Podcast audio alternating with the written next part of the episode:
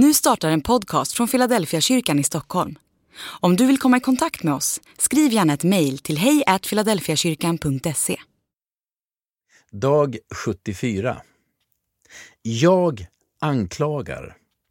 Det var titeln på en artikel som Émile Zola skrev efter rättshaveriet i Frankrike i slutet på 1800-talet. Frankrike hade förlorat fransk-tyska kriget och man jagade en syndabock.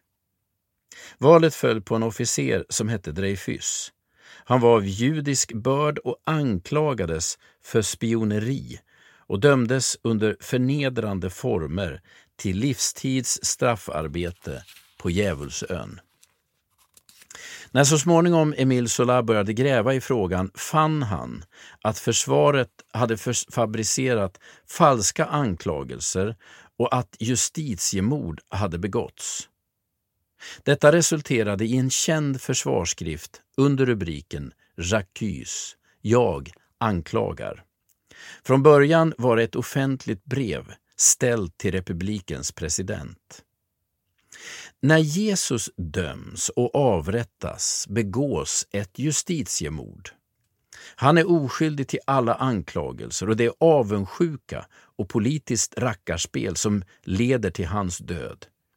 Jesus hade kunnat ropa från korset ”Jag anklagar” och hela himlen hade stämt in. Människans ondska och själviskhet är fruktansvärda drivkrafter. Men Jesus uttalar ingen förbannelse eller anklagelse från korset. Istället ber han om förlåtelse för sina bödlar och Johannes berättar att han bär sitt lidande utan klagan ända till fullbordan. När hans lidande är slut säger han, det är fullbordat. De första orden Jesus hälsar sina lärjungar med efter uppståndelsen är Frid åt er alla. Han anklagar inte sina lärjungar för feghet eller bristande civilkurage, trots att de flydde eller förnekade. Han hälsar dem med frid.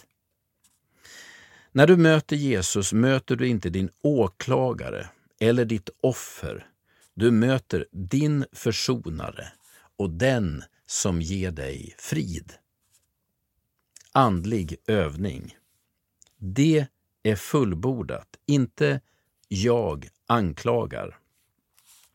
Meditera idag över innebörden i de Jesusorden. Allt som behövs för din frälsning har Jesus gjort.